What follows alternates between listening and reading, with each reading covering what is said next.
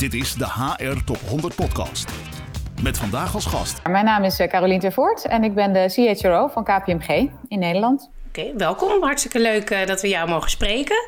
Uh, voor we uh, van, slag gaan, van start gaan met het, de huidige situatie, misschien leuk om kort even wat over je achtergrond te vertellen.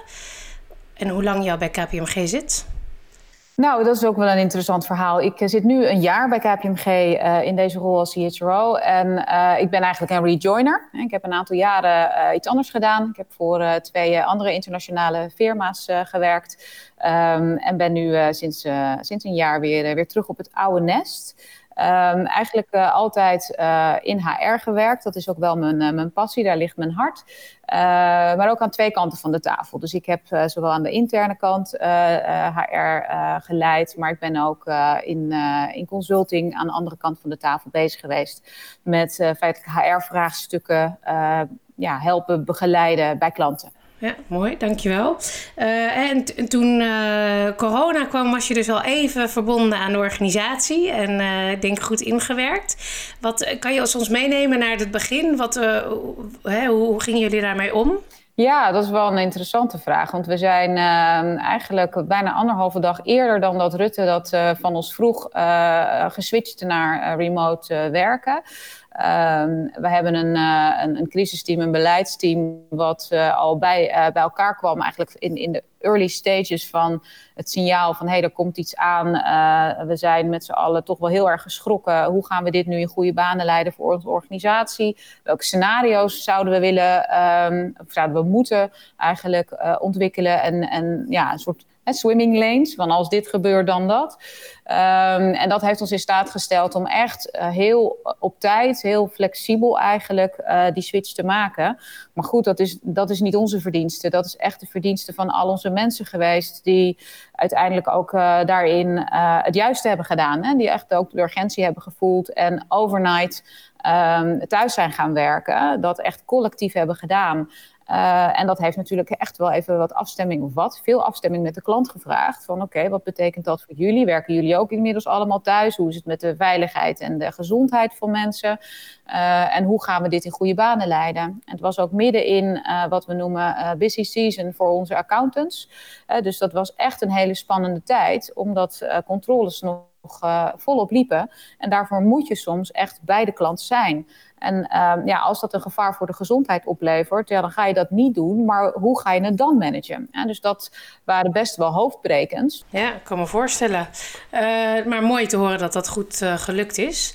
Uh, wat waren andere onderwerpen die jij als HR meteen hebt opgepakt, waarvan je dacht, dit is, is nu belangrijk? En uiteraard, ja, hoe organiseren we onze eigen organisatie? Hoe zorgen we dat we in controle komen van iets waar we helemaal geen idee bij hebben, wat het precies gaat doen met onze organisatie? Dus echt proberen wat we dan noemen te stay ahead of the curve met, uh, nou, met scenario's. Hè? Dus echt gaan werken aan, uh, oké, als dit gebeurt, uh, wat is dan ons antwoord? Welke maatregelen hebben we dan nodig?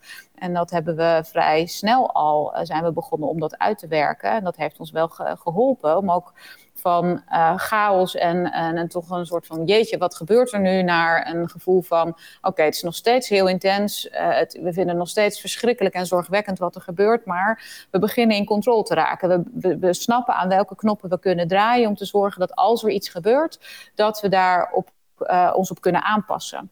En, en nu we elkaar spreken, ja, is er net een persconferentie geweest hè, dat, uh, uh, ja, dat we toch meer thuis moeten blijven en kleine groepen. Wat voor scenario geeft dat jullie? Welk scenario zitten jullie nu?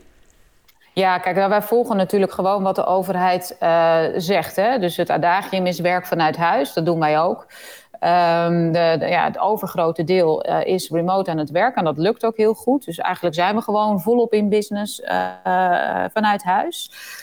We hebben ook wel onze kantoren, de grotere regiokantoren en het hoofdkantoor, gedeeltelijk geopend voor wat we dan noemen relief workplaces. Voor als je echt je niet kan concentreren, er van alles thuis speelt, waardoor je gewoon niet gefocust aan de slag kan. en ook voor, voor klantmeetings, als je bij elkaar moet komen om belangrijke uh, onderwerpen te bespreken die je gewoon niet makkelijk vanuit huis kan doen. Um, maar goed, dat is gemiddeld een 20, misschien 30 procent van, uh, hè, van wat we kunnen absorberen in een anderhalve meter uh, omgeving. Ehm, dus ja, het gros, het overgrote deel werkt vanuit huis. En ik verwacht dat we dat voorlopig ook nog wel zo zullen blijven doen. Hè? Want je, je, moet toch proberen de balans te slaan tussen gezondheid en alles doen om te zorgen dat je dat uh, goed managt en dat je iedereen veilig houdt versus ja, het economische belang, maar ook het sociale belang. Want mensen hebben ook de behoefte om uh, contact met elkaar te hebben. We zijn nou eenmaal sociale dieren. Weet je, we zijn er niet toe, voor gemaakt om vijf dagen geïsoleerd achter ons laptopje uh, te zitten. Dat, dat is gewoon niet ons DNA. Um, en, die balans vinden, dat, ze, dat, dat, ja, dat zullen we de aankomende weken, maanden uh, op dagelijkse basis gaan monitoren. Je gaf net aan, hè, misschien zitten we tot het eind van het jaar nog in deze situatie. Hè, maar er komt een moment, hè, we gaan er in ieder geval vanuit, dat, uh, dat uh, de wereld ook weer verandert hè, en er weer meer mogelijk is. Ik hoor je over scenario's, hè, swimming lanes, daar, daar zijn vast ideeën over. Zou je daar iets over kunnen delen? Ja, dan uh, kom je een beetje in wat we noemen de new reality, hè, of winning in the new reality. En uh, kijk, die crisis is natuurlijk verschrikkelijk, laat dat gezegd zijn. Want zowel qua gezondheid als de impact op de economie, ja, dat is, dat is echt ongekend. Dat hebben we decennia eigenlijk niet, niet gezien. Um, dus dat uh, dat moeten we niet bagatelliseren. Maar als ik kijk naar de new reality, dan denk ik dat we... We moeten ons realiseren dat heel veel bedrijven ook gewoon doordraaien. Wij draaien ook goed. En natuurlijk, uh, we zijn een gezond bedrijf, hebben we ook impact van deze uh, unprecedented times in goed Nederlands. Um, maar ik denk dat we zijn ook gewoontedieren. Dus in die new reality, als we willen dat we bijvoorbeeld het remote werken vasthouden, zullen we daar ook actief op moeten gaan sturen. Dus in de aankomende tijd, maanden, als we zien, hé, hey, we gaan toch in een soort nieuwe normaal uh, situatie terechtkomen, moet je, moeten wij ook als organisatie heel duidelijk identificeren wat willen we nou vasthouden. En om dat te laten beklijven, zullen we er echt actief sturing aan moeten geven. En we hebben gisteren ook met onze jongere generatie een gesprek gehad via Teams, waarin we ook hebben gevraagd, hebben jullie nou behoefte aan guidance hè, of, of juist niet in hoe we omgaan met uh, remote werken. Als wij zeggen we willen naar een situatie van hybrid working, waarin we dus stelselmatiger vanuit huis werken um, dan we gewend waren te doen. Wat, ja, wat heeft dat dan nodig? Heb je daar überhaupt een soort guiding principles voor nodig? En um, het overgrote deel vertelde ons dat ze een bepaalde vorm van guidance wel heel erg belangrijk vinden. Niet zozeer om het voor te schrijven en te zeggen: gij zult uh, twee dagen op kantoor zijn. Maar wel om met elkaar een soort nieuw gedrag en nieuwe patronen te ontwikkelen. Als je het mij vraagt, dat vraagt dan heel sterk persoonlijk leiderschap. Um, en dat vraagt dus uh, toch een, een heldere mate van sturing en dat ook durven uit te spreken met elkaar. Dat is wat mij betreft een belangrijk onderdeel van die nieuwe realiteit. Dus je moet wel een gedeeld, uh, een gedeeld beeld schetsen hè, en een visie en daar misschien ook doelen aan uh, stellen als je het echt blijvend uh, wil veranderen. Ja, en dan niet misschien, maar gewoon heel duidelijk. echt ja, big hairy goals, zoals ik ze dan maar noem. op, op, op sustainability, op, ja, weet je, op, op als je naar kantoor komt er is natuurlijk toch een reflectie van mensen dat we zichtbaar willen zijn. Dus op het moment dat je uh, er niets, voor, niets omheen zou zetten, niet zou zeggen van we vinden dit heel belangrijk als organisatie. Bijvoorbeeld, uh, we gaan ervan uit dat je zo'n 40 tot 60 procent bij de klant bent of op kantoor. En de rest werk je vanuit een andere omgeving, hè, remote. En je maakt geen afspraken met de klant over wat vind je nou belangrijk uh, qua fysieke aanwezigheid. Hè. Voor bepaalde teammeetings is het prima om remote te werken. Voor anderen willen we echt dat je er bent. Ja, dan zit je met z'n allen gewoon weer hè, over een half jaar uh, met z'n allen op kantoor vijf dagen in de week. Dat is wat er dan gaat gebeuren, omdat er asymmetrie ontstaat. En als je dat wil voorkomen, zul je inderdaad toch echt met elkaar een bepaalde een bepaald normkader op moeten stellen en daarnaar gaan leven. En dat moeten gaan aansturen. En dus dan moeten ook mensen van zeggen, ja, daar, daar zijn wij van. Wij gaan dat omarmen. We nemen daar een ownership over en dat gaan we daadwerkelijk neerzetten. Dus ik ga je er ook op aanspreken. En we gaan het met elkaar be beoordelen en belonen. Ja, Oké, helder. En ik, kijk, ik kan me goed voorstellen dat je zegt uh, uh, efficiënter werken. Hè? Dus daar, we hebben misschien dingen geleerd waardoor we efficiënter kunnen zijn nu. Minder uh, vliegen hè? is beter voor het milieu. Um, en, en, waarom zou het beter zijn om twee dagen op kantoor te zijn en drie dagen thuis? Nou, ik weet niet of dat per se beter is. Dat is ook precies waar, waar ik van zeg dat strikte twee wel, drie niet, dat voorschrijvende, daar geloof ik niet zo in waar ik in geloof is dat je heel duidelijk afspraken met elkaar maakt aan de voorkant van en wat is onze way of working nu. En uh, dat kan je alleen maar doen door in contact te zijn, bijvoorbeeld ook met de klant. Dat je zegt, uh, goh, uh, wij willen heel graag dat hybride werken vormgeven en that's here to stay. Met heel duidelijk de visie work is, is an activity, not a place. Dat is echt een soort adagium. Hè? Dat, als dat het vertrekpunt is, wat werkt er dan goed? En dat kan per klant verschillen. En dat kan ook per team verschillen. Hè? Als je niet een klantteam hebt uh, of een, een, een, een, in, in, de, in de klantomgeving werkt, maar bijvoorbeeld in een, een, uh, een afdeling, de marketingafdeling of de IT-afdeling, ja, dan zal dat hybride werken er anders uitzien. Dus ook daar wil ik niet voorschrijven dat we zeggen: gij zult twee dagen in de week op kantoor zijn en de rest vanuit huis. Dat is echt contextafhankelijk. En wat zou wat jou betreft uh, leidend moeten zijn bij het maken van die keus? Hè, dus waar je iets doet? Toegevoegde waarde leveren voor de klant. Dat is leidend. Um, of voor in dit geval, als je hè, in, een, in een, een, afdeling werkt, een binnendienstenafdeling, een business services afdeling, uh, dat je met elkaar daar uh, de afspraken maakt van wat hebben we nodig om als team succesvol te zijn. En dat, dat moet leidend zijn. Uh, dit is, weet je, het, moet niet, het moet geen doel op zich worden hoeveel dagen je ergens bent. Oké. En uh, vraagt dat nog nieuwe skills of activiteit van HR? Dus als we straks meer hybride, in een hybride vorm zitten, betekent dat iets voor HR?